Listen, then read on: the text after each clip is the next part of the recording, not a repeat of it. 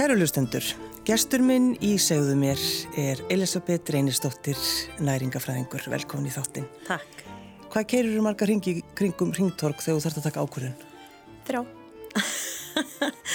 Nú ekki nema þrjá. Nei, allavega ég hef, ég á sögum það, hafa kyrt þrýsa sinnum, tekið stóra ákvörðun. Afdrifa ríka, en ég á það til að keira stundum ringtork. Oftast held ég tvo ringi. Þessi, þessi þriði hann breytti lífið mínu.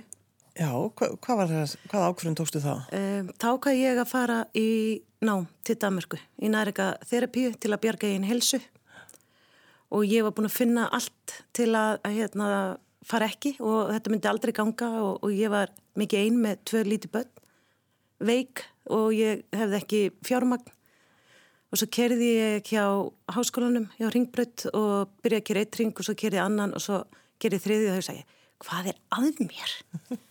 Þú veist, það var bara, þetta, þetta, ég verða að gera þetta og bara sama hvað. Mm.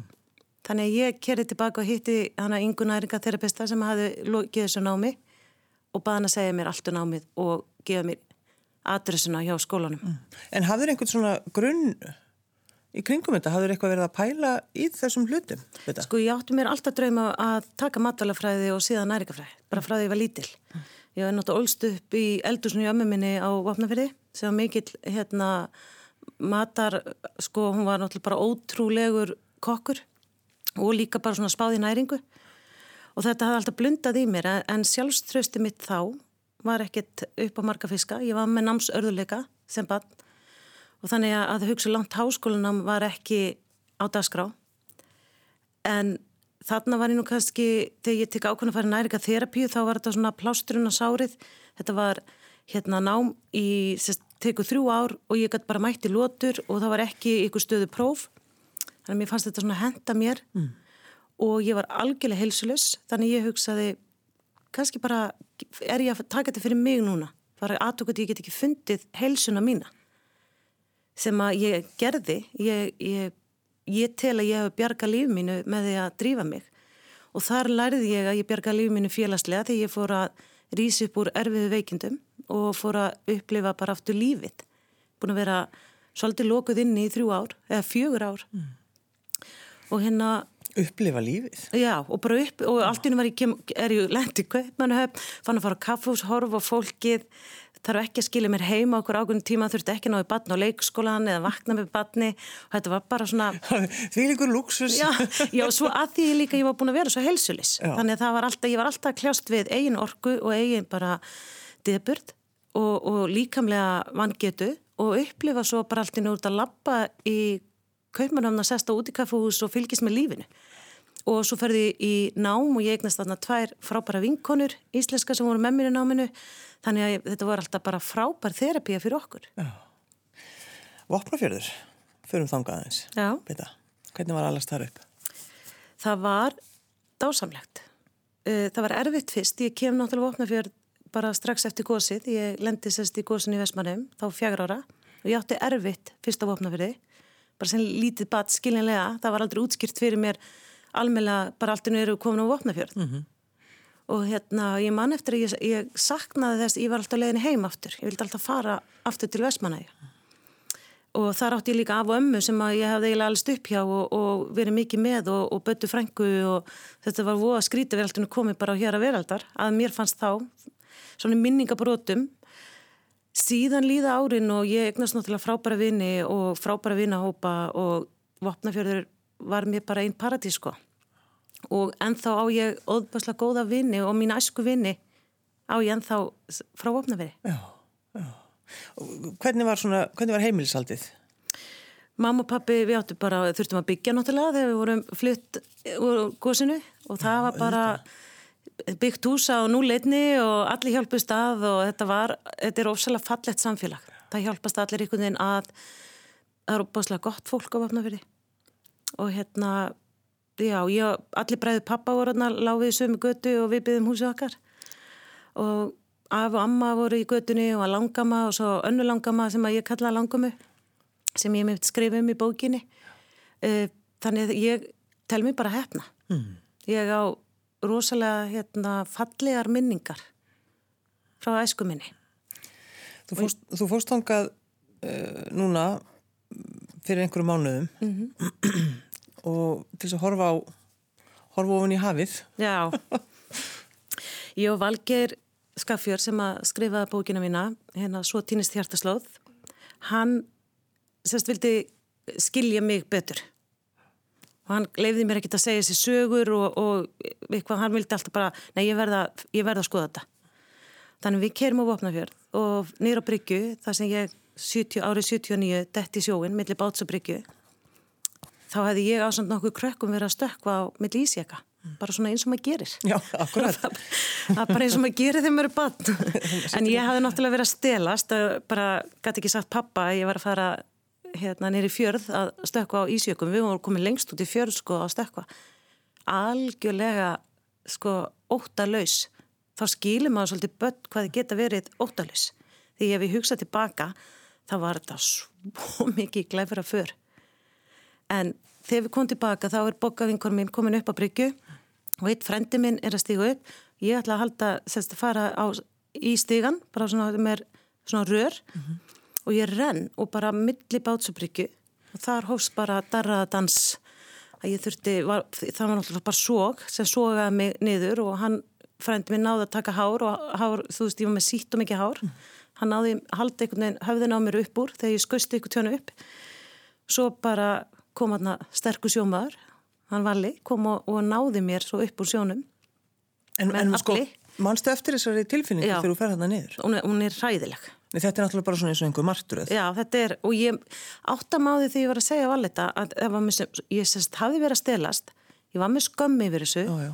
Þannig að ég hafði aldrei leift mér að bara skilja óttan minn ég hafði aldrei lift mér að vera bara Guð minn góður, hvað mér leiði ítla yfir þessu og hvað þetta var hættulegt. En, en uh, hugsaður Elisabeth Reynistóttir um dauðan þarna ofan í ég held, sjónum? Já, ég held það að ég hefði gert mig grein fyrir að, já, ég mann það, þetta, þetta, að því ég var fann að gleipa svo mikið sjó mm. og ég var að reyna að kalla, þetta var svona hróp á hjálp. Ég held ég hafi þrísvara æfinni fengið þessa tilfinningu að hróp á hjálp mm. akkurat bara þessi tilfinning þegar ég finn að það er allar dyr að lokast ah. það var þarna það var þegar ég dett á hérna borgarspítalarnum og ég er einin herbyggi og mér finnst ég verið bara degja einn á gólfinu og svo þegar ég var í kerninu holdt að vera heiði 2017 og mér varst límitt verið búið Það er þessi andlega Andlega til, já, já, og þetta er bara eitthvað svona sérstök tilfinning, þegar finnur að hörðin er að skellast á þig. Já. Það er bara annarkvæmt að gefast upp eða berjast. Akkurat þetta sko, rópa bara á hjálp. Já, ég, og ég ummitt mm. og ég held sko í öllum þessum tilfellum þú veist þarna fæ ég hjálp að bjarga mér upp úr sjónum ég fæ hjálp á grensás sem betur verið, þá kom einhver inn á stofið til mín og mér var hjálpað ég ringi eftir hjálp þegar ég legg bílnum til liðar á þegar ég kem, er komið niður halduverðiðina og tala við vinkunum mína sem er geðhjókunarfræðingur og ég segi bara ég þarf hjálp ja. og ringi og ég tala við aðra vini mína sem ég segi bara ég, þið verðið að hjálpa mér mm. þannig að þarna er ég leitt svo inn í bara aðstóð með góðum vinum ég fyrir á Alanón fundi og ég fyrir bara í sjálfsvinnu sem leiti að sér bara er búin að leiða sér ótrúlegt ævintýri mm. og ég kýs svolítið að því eftir því sem vinn meir í mér því fleiri dyr opnast eftir því sem ég gefst meir upp fyrir sjálf og mér því meiri tækifæri er í lífinu Þegar þú komst heimtiðinn úr sjónum Já. rennandi blöð mm -hmm. hvaða skýringu gafstu þetta? Það var ekkert, ég var náttúrulega bara kerið heim og bara útskýrst að ég dótti millir bátsabryggju pappi gerði sér grein fyrir hvað við, ég hafi verið að gera Hann var mjög hrættur því að mamma var upp á héræði í jarðaför hjá ungum frænda sínum. Þannig að pappi náttúrulega var bara skellungu lostinn og það bara brást út með svona reyði, mm. skiljanlega. Og, hérna, og ég brást við með skömm. Já. Þannig að þú talaður einhvern veginn bara óþægilt að tala um þetta, Já. þannig að þú höfðu eiginlega aldrei talað um þetta. Einhvern veginn, fyrir bara þú ferða að skoða sjálfa þig. Bara... Þú fórst þegar þú stóðst þarna núna og horfið niður þá kom, er það ekki sjómaðurinn? Jú, já, kom kona. Eiginkona Kolla, já, kom og ég sérst hitti hana að reyki kaffhúsnir á Bryggju að síldaplanna á Vopnafyrði. Og ég... Varstu búin að byggja hann að koma? Nei, við bara, við bara hittum á hana og þetta var allt einhvern veginn svona hjá, veist, og ég spyr hana einhvern veginn, ég segi, talar, ég, ég segi eiginlega við hana, ég ætla að ringja í manniðin, mér langar svo að spyrja hann hvort að muni eftir hann bjarga mér úr sjónum. Já. Hún horfði á mig og segi, ó já, hann mann það. Já og hann hefur stundu talað um það. Þannig þá horfið ég á Valgjör og sagði bara, ég held að ég sé að skilja núna hvað þetta var hérna alvarlegt. Já. Og svo fórum við bara nýra þessu bryggju og ég stóð bara hann á líst þessu. Valli og ég fyrir heim til mögum pappa þar sem hann satt og skrifaði og þar kom kaplinn sem er alveg ótrúlegur að hann lýsir þessari svaðil fyrir minni. Já. Og svona var eiginlega bókaskrifin. Valli neitað alltaf, ég myndi bara segja sér sögu, hann bara nei, nei, hvernig er tilfinningi, hvar varstu, hvernig leið þér? Þannig að ég held að við, að ég held að við höfum náð því að, að ykkur sagði bara það er eins og þú sérst að skrifa þetta, að við samt orðalagi hans valla er í bókinni. Mm. Trúuru á uh, spádóma? Já, ég geri það, mjög, mjög fyndið að vera raunvísnandi mannskja og trúa á spádóma og hyldufólk og allt sko. Þú best... viðkenni það þó, já, það er mjög já. gott. Ég viðkenni að vera bara rosalega skrítin kona og já, það er allt í lagi. ég held að sé bara þannig sem að við, lífið verður bærilegt að við bara lifum með sjálfum okkur. Mm.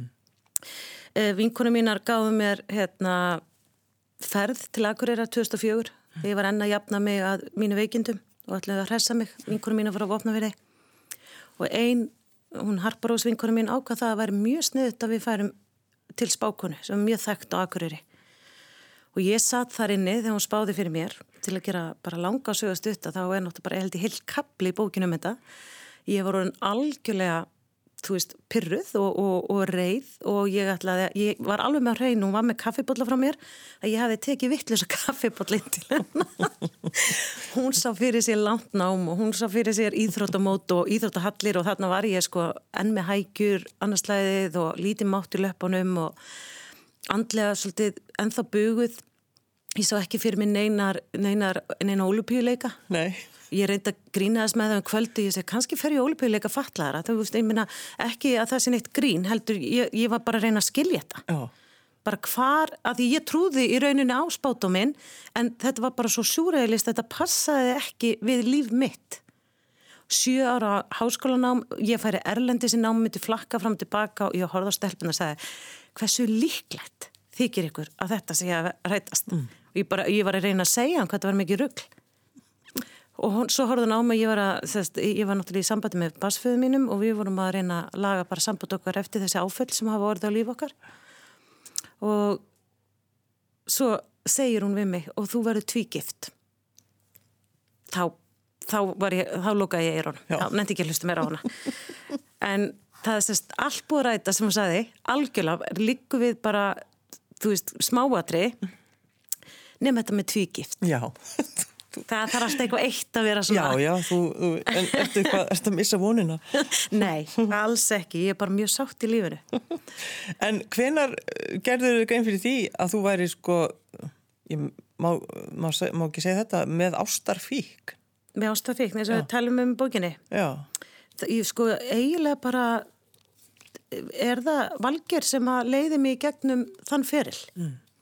Hann leiði mig í gegnum, þess að hvernig meðvirkni mín hefur, hefur bara hamlað mér og, leitt, og skemmt fyrir mér og hvernig ég hef veikst í gegnum árin alltaf af meðvirkni. Hann sagði bara einhvern veginn unga konan beta var alveg með tökkur og leti ekki vaði yfir sig en það var alltaf ykkur undir alltaf þarna sem að náði í gegn. Mm. Svo þegar ári líð og ég lendi sérst bara í ákveðnum ástasorgum og höfnun þá einhvern veginn vestna ég á einhvern hátt að ég fer að halda það að ég get ekki verið við, eða sérst ég fá ekki viðkenningu nema einhver sé hrifin að mér. Mm. ég get ekki staðið undir mig sjálf og ég tók eða sérst að við erum búin að horfa það alltaf ég, ég segist, að, segist alltaf verið ástofngina ótrúlega gáðum mönnum. Og ég þurfti alltaf að lifta þeim á einhvern stað. Þeir voru alltaf, ég bara þeir voru svo brjálæslega klára að gáða þeir og svo mann ég eins og eftir að, að ég var með hérna, kærastafæri ekki svo lengur síðan og ég ætla að byggja hann sko aðstóða vinkunum mína með reytgerði, bara hann er svo gáðar svo enda mig, ég tók bara skjörn, nei, heyrðu, ég kann þetta. Ég held að, af hverju það er það er eins og ég þurfti viðkynninguna í gegnu þá.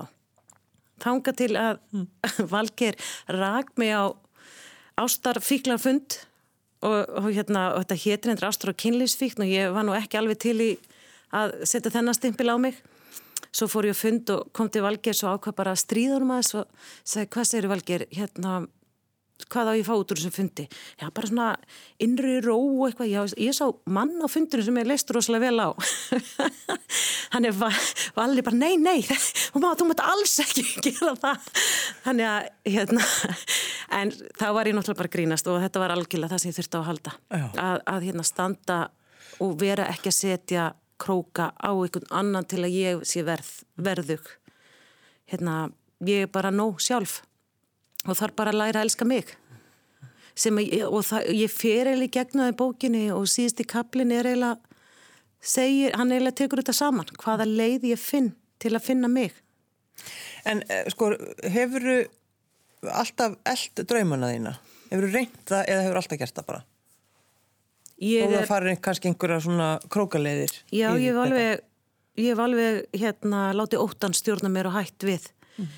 en ég held að ég fengi eiginlega svona bestu með, meðmæli með sjálfuð mér þegar dótti mín sagði við mig núni í vikunni að hún og, og sónu minn hefði verið að tala saman og ég held öll að skamma mig því að ég líti búin að sjást heima hjá mér.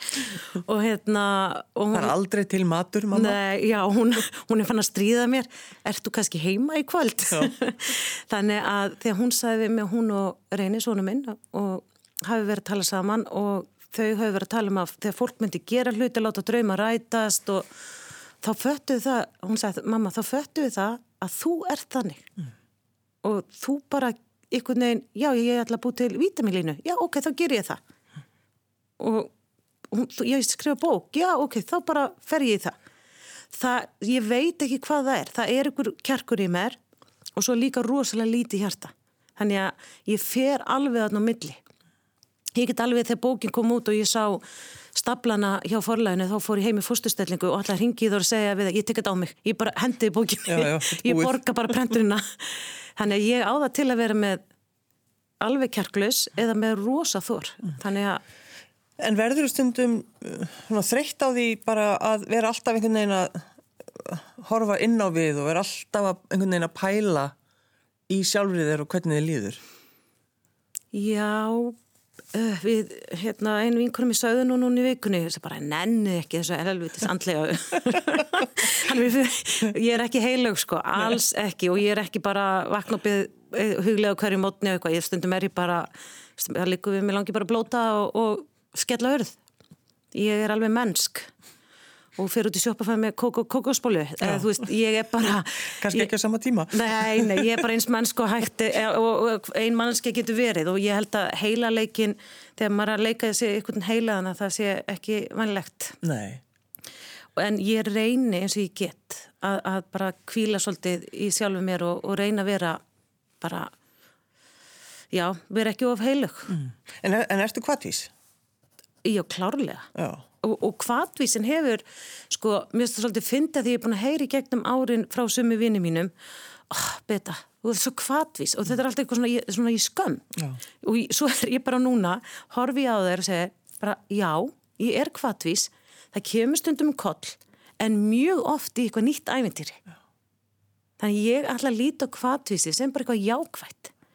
Ég er bara klárlega með ADHD, ég er kvartvís uh, þar að leiðandi en ég er að nýta þetta í góðs ég lappa stundum að vekja með það en það er bara allt í lægi það er betra að gera hlutur og mistakast heldur en að gera aldrei neitt Þegar maður pikkar upp puttaling Já. Þá spyrir maður bara, já, hvert er þú að fara? og svo hendur maður viðkomand út. Þú gerir það ekki? Þetta er eiginlega svo ótrúlega fyndi saga sem að við byggum í hverakeði og, og Batta Frænka og fjölskytta búi Vestmannum og Batta er eins og sýsti mín. Og það var erfiðu dagur í mæ dánadagur dóttur hennar þannig að ég ætlaði að fara til hennar. Mm. og semst, er með hverakeði ákvæm með keiri landi á leiðinni þá sé ég puttaling. Og ég sé bara svona ungan svartæðan strák veifa puttunum út í loftið og krakkandi bara bara, nei mamma, nei. Bara mamma, og, svonum mér bara mamma please, Ekki stoppa. ekki stoppa. Þau viss, sá bara, þau vissu hvað ég var að hugsa og ég bara sagði, krakkar, í alveg Já. hvað, hvað er það vestan sem getur gert? Kannski kynnust við einhverjum bara einhverjum puttalingina og höfum bara gaman í smástund, við erum að fara í landeirhöfn þetta er bara stutt. Þannig ég tek hann upp í og í ljós kom að þetta var ungu frækki, háskólastúdent að leita álfum og tröllum og huldufólki. Og það kom nú svipur á bönni mín og, ég, og ég, það smáa mig en ég hérna skilda mjög vel. Og hérna var eiginlega komið svona einhverja móðu tilfinningu til hans þegar við komum að afleikja landi höfn. Og hann talaði nú ekki góð ennsku og ég var að reyna að útskýra fyrir hann og kannski eftir að bara koma með til Vestmanni og reyna að benda. Að Vestmanni að sjást að þetta var mjög fallet veður og ég segi bara við krakkar, heyrðu við tökum hann bara með til Vestmanni þau, við erum eitthvað öll að reyna að útskýra fyrir honum nema ég var að missa herjólfi þannig ég gæti ekkert verið eitthvað staldra við. Ég þurfti bara að bruni herjólf. Allt í einu er þessi ungi frækki komin í borðu herjólf og ég horfi á hann og hugsa hann hafði ekki klú. Hvað var að gerast? Brjáluð kona, búin að pika hann upp. Ég reyndi að útskýra að veri fullt af skrýtnu fólki í Vestmannu og hann geti bara notið þess að koma og skoða og huldu fólki og alls konar. Svo hérna mælum okkur mót hérna fyrir við til frængu minnar og mælum okkur mót við hann aftur nýra á bryggju. Ég var reynda mjög hissa að hafa mættu nýra á bryggju á tilsettum tíma. Svo kerðum hann bara upp á land og skildum hann eftir við Seljalandsfoss og við vorum náttúrulega sko hlátuskasti sem við vorum í alla leginni hveragerði. Var náttúrulega ólýsalegt og ég gæti ekki verið að segja þess að sögunum að ég hafi tekið hann að séns Og var hann að spyrja um uh, álfana og eitthvað Já, svona? hann var að skrifa um hann var að finna markverða staði og hvar við hvar hann gæti séð alfa og huldu fólk og hann er, sko, sagan er klárlega um okkur sem að skrifa, hann var að skrifa sögu ég sem, hérna krakkar, nú erum við komin í Já, sögubók já, franska bók. segja. mjög skríti fólk á Íslandi og mjög líklega alvar eða huldu fólk En, en þú trúir á álfa og huldufólk? Svona í alvöru? Já, Já. Já. ég trúi bara alls konar, og steina og bara og ég, ég hef einhvern veginn trú að við verðum bara að vera opinn fyrir að allt sé til við getum ekki ákveðið eitthvað ég segi þetta stundu sem vísindamannskja bara, ég var að um þetta ræða við vinn minni gerkvöldi um, og fekk ég mynd post frá hann í morgun þessi gaggrína hugsun sem við lærum alltaf í háskólasamfélaginu. Mm -hmm. ég er bara mjög skrítin, ég er bara til í að hafa allt opið, en þetta hef ég prófað alls konar leiðir. Og ég vil, það er ég, eins og ég upplýði háskólanámi mitt ég var með gaggrína hugsun, en ég var hviðinni kút. Ég kem sem næringatherapisti í, í háskólanám í næringafræði og það þótti ekkit sérlega fínt nám að vera næringatherapisti Nei, það var ekki... og það var alltaf bara vísindi, vísindi, sannanir, rannsóknir. Bara, bara svo þegar maður skoða núna stundum rannsóknir og þá er þetta bara, já, hver styrkir rannsóknir, hver græðir á því að rannsóknir sé gerð? Já, já, það það er bara, það þarf líka það við verðum og það er alltaf þetta skoða bak og fyrir, það þarf skoða mjög langt aftur því að það er alltaf ykkur sem er að styrkja, það er alltaf ykkur sem er að græða á ykkur Hvort finnst þið skemmtilega að tala um þetta eða um álfa og huldufólk? Já, þarna dætt ég vísit heiminn, ég er, ég, ég er ekki geðklofi, ég, mér finnst reyndar, hérna, ég á svona vini sem erum í andlegu málöfnum og við tölum um, um alls konar vætti og, og hérna öll og mér finnst það, mér finnst alveg gaman, ég á það til samt að hlæja því Já, já. og segja við vinn minn sem ég er mikið með, ég segi, ég, við erum stór skrítin. En ertu, ertu alins svona upp? Er, var talað um þetta á þínu æsku Ekki, heimili? ég rætti þetta stundu við ömmu mína og sérstaklega setni ár og hún gaf mér einmitt mynd sem að þegar hún lést þá var mynd af við þeir var slita mynd hjá henni og myndinni fylgir huldukona Já, þannig ég fekk hana náttúrulega Auðvitað. og ég, sagt, þegar ég sett henni upp á vegg hjá mér þá tala ég náttúrulega bara við þessu huldukonu og síðan eru bara æmintýri búin að gerast í lífum minni þannig að hérna Já, Við skulum bara ganga hægt um gleðina dyr að, að vantrist þessu. skulum bara hafa ykkur hæg. Já, við skulum bara hafa ykkur hægt. Já, en, en þú náttúrulega, uh, Beta, þú vinnur sem næringafræðingur. Já. Þú ert að fá til þín fólk er það ekki? Jú, ég vona að haldi áfram að koma. Nei, það er þessi skrýta sem trúur álfa. Þú veitur búið. Já. Þú getur pakað niður. en eh, sko, ertu, ertu gaggríninn á þegar fólk kemur sem er kannski alveg bara, þú veist, andlega búið og það er að taka einhver lif, ertu þá, heyrðu, hvaða lif erst þú að taka? Ég spyr um lifin, en ég má aldrei sem næringar ákveð að skipta mér að lifjónum.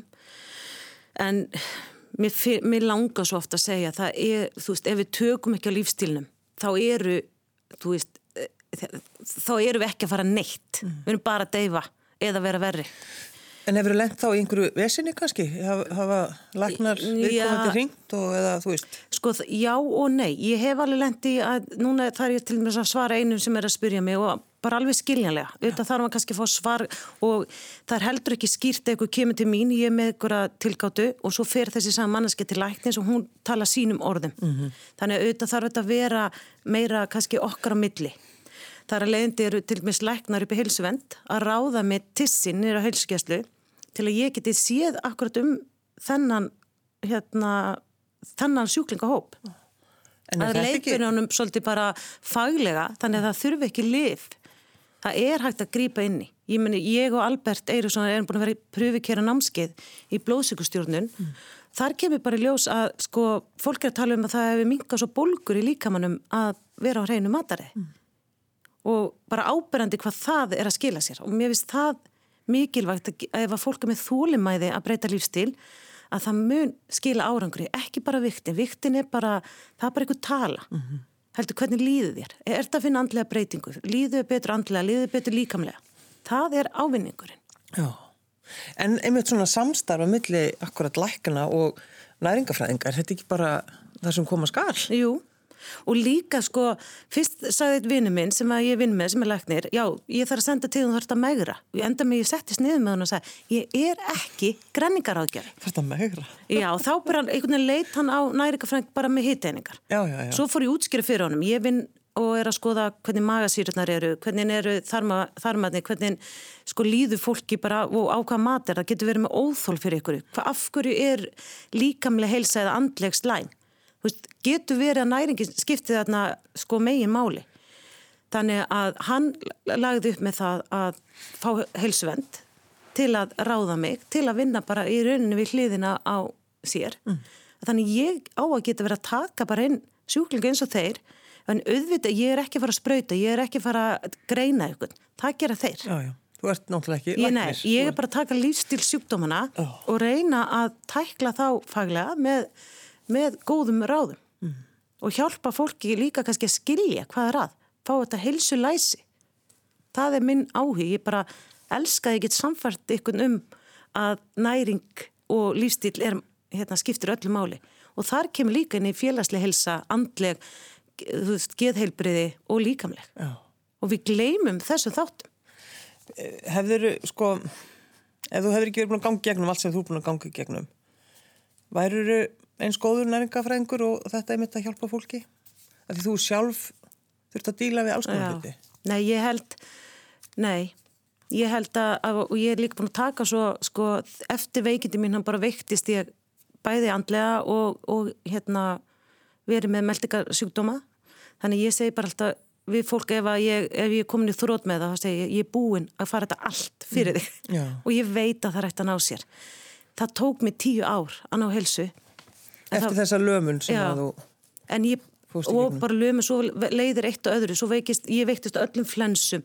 Ég endaði aftur að spýta með streftakokki blóði, ég var alltaf að fá okkur skell. Mm. En ég bara gafst ekki upp, ég bara, ég þráði að finna helsuna mína. En ég fann hann ekkit á, á fyrsta ráðunni sem ég fór eftir. Ég varði einhvern veginn að lappa inn í þetta. Og ég byði alltaf fólk, ég segi, gefi ykkur tíma. Og Þú veist, heil, við getum ekki bara orðið heilbrið á mánuði en við getum sko svo vissilega labbaði áttina að því. En viljum við svo ekki einmitt að þetta, svona þegar maður tekur ákvörðuna, það bara gangi strax upp? Já, en þannig er bara ekkert lífið því að svo er lífið alls konar. Svo eins og fólk sem ætlar að byrja okkur matræði hjá mér, svo ringi það eða kemur aftur og segir, heyrðu, ég, ég hérna, fór í veislu og nú er allt ónýtt. Ég bara, nei, lífið er bara lífið, þannig er það. Við förum og fáum okkur eitthvað sem að við finnum að er ekki gott fyrir okkur, en svo bara höldum við áfram á öðrum lífstil sem við kjósum fyrir okkur. en við erum alltaf búin að, við erum búin að setja skömm í þetta. Ef við fáum okkur í veislunni, þá komið skömm. Já. Nei, bara líf, fannst ekki hans verki og leiðir ekki illa og bara, jú, já, höldum bara áfram. Þetta kemur aftur fyrir. En það er allt í lægi. Þannig er, ég vil allan hafa mitt líf þannig.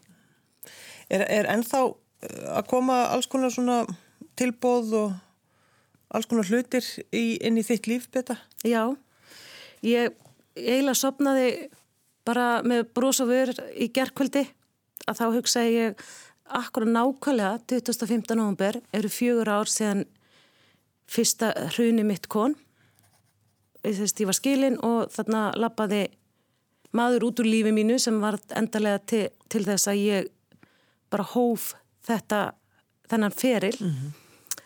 Og í gerðkvöldi kom bara svona tilbóð sem að ég hugsa bara einhvern veginn því ég er búin að opna tækifærin þá er þetta bara svona endalist. Þarna var aðtunum tilbóð Erlendis í, eitthvað, í verkefni Erlendis sem að ég get eiginlega, þetta bara, þetta er bara, og svo er þetta bara búið að vera svona. Mm. Ég kynnist fólki sem að er bara frábært og, og hérna gefur mér og mínu lífi miklu meiri vægi.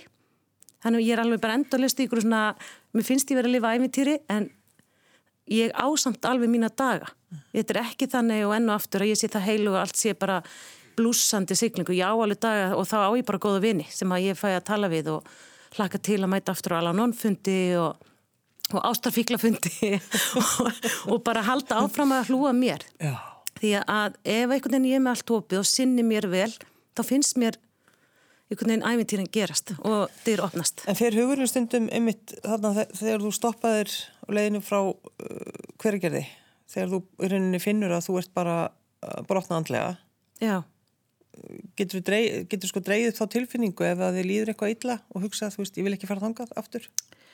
Já, ég byggðum hjálp ég, ég, ég bara, þú veist, ég byggð ef ég finn eins og það, ég get alveg sagt að, að ég er mennsk ég fann niðursveiflu og það var eiginlega allt yfirþyrmandi. Ég er ekki með stærri hjarti það að bókin og hvað fólk myndi segja um bókina og, já, já. og allir voru eiginlega svona lesan í síðustu viku sem voru búin að fá fyrstu eintökin sem ég kannast við. Þannig ég, það byrja að dælast inn um helgina ummali Og að stala um hjarslátt. Já og ég var lítil í mér og ég, mér leiði ekkert rosalega vel og ég, sérst að vinnu mín kom til mín á löðdaskvöldið og, og það voru vinnir hjá mér, kom bara, ég, við bara sendum svona inn á ef við horfum bara mynd saman, fylgtist bara stofa mín og góðu fólki og ég dró bara vinn minn inn í Herbyggi og sagði bara hann er mjög andlegur og er hérna kallaði sjaman og ég sagði bara viltu bara hjálpa, viltu byggja hans með mér, bara svo mér leiði betur. Þannig ég byggð um hjálp Ég, og ég er svolítið duglega að segja bara gráta fyrir frá vinið mína og segja það mér líður ítla og ég, það versta sem ég hef gert er að vera töffari. Það, er, það er ekki gott. Því þá bara veginn ég til til dæmis að sjúkdómurum minn hafi komið af töffaraskap sko. Því ég, ég tjáði ekki, ég hlustaði ekki líka á minn og ég held bara einhvern veginn áfram. Mm. þannig að ef að við leifum, ef við gröfum allt niður þá, þá hrinjum við á lókum þannig að en það er rosalega erfitt fyrir maður að segja þetta við fólk sem að bankar og dyr hjá læknum og færinga laust þannig að mér langar bara að segja samt ekki gefast upp, leiti ykkur aðra leiða mm. annara leiða, bara það eru leiðir að bættri heilsu, við höfum bara að finna þér og bara alls ekki vera töfrar. Bara ekki, nei, og ekki bæla tilfinningar, ég held að það sé það geti mann. Að ég minna það er alltilega að finna til og mér fannst það svolítið merkilegt þegar, þú veist, ég var að skrifa bókina með Valgeri, hann reyndist mér náttúrulega sem hinn besti þerapisti.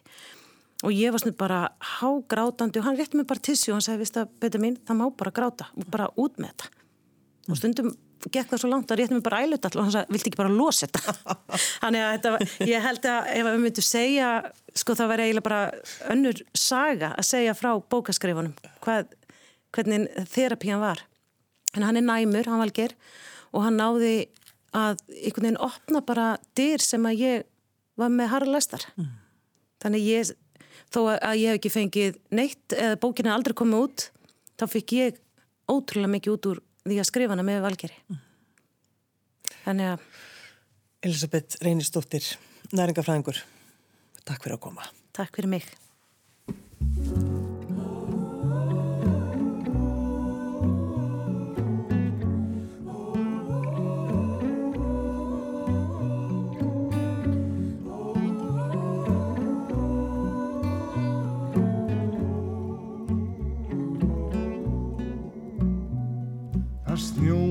hérna úti og gardurinn hann gránar. Garðastrætis húsinn er það hlýlega sjá og kertaljósin skuggar skrýtnum myndum varpa á veggina í stofunni sem ég stað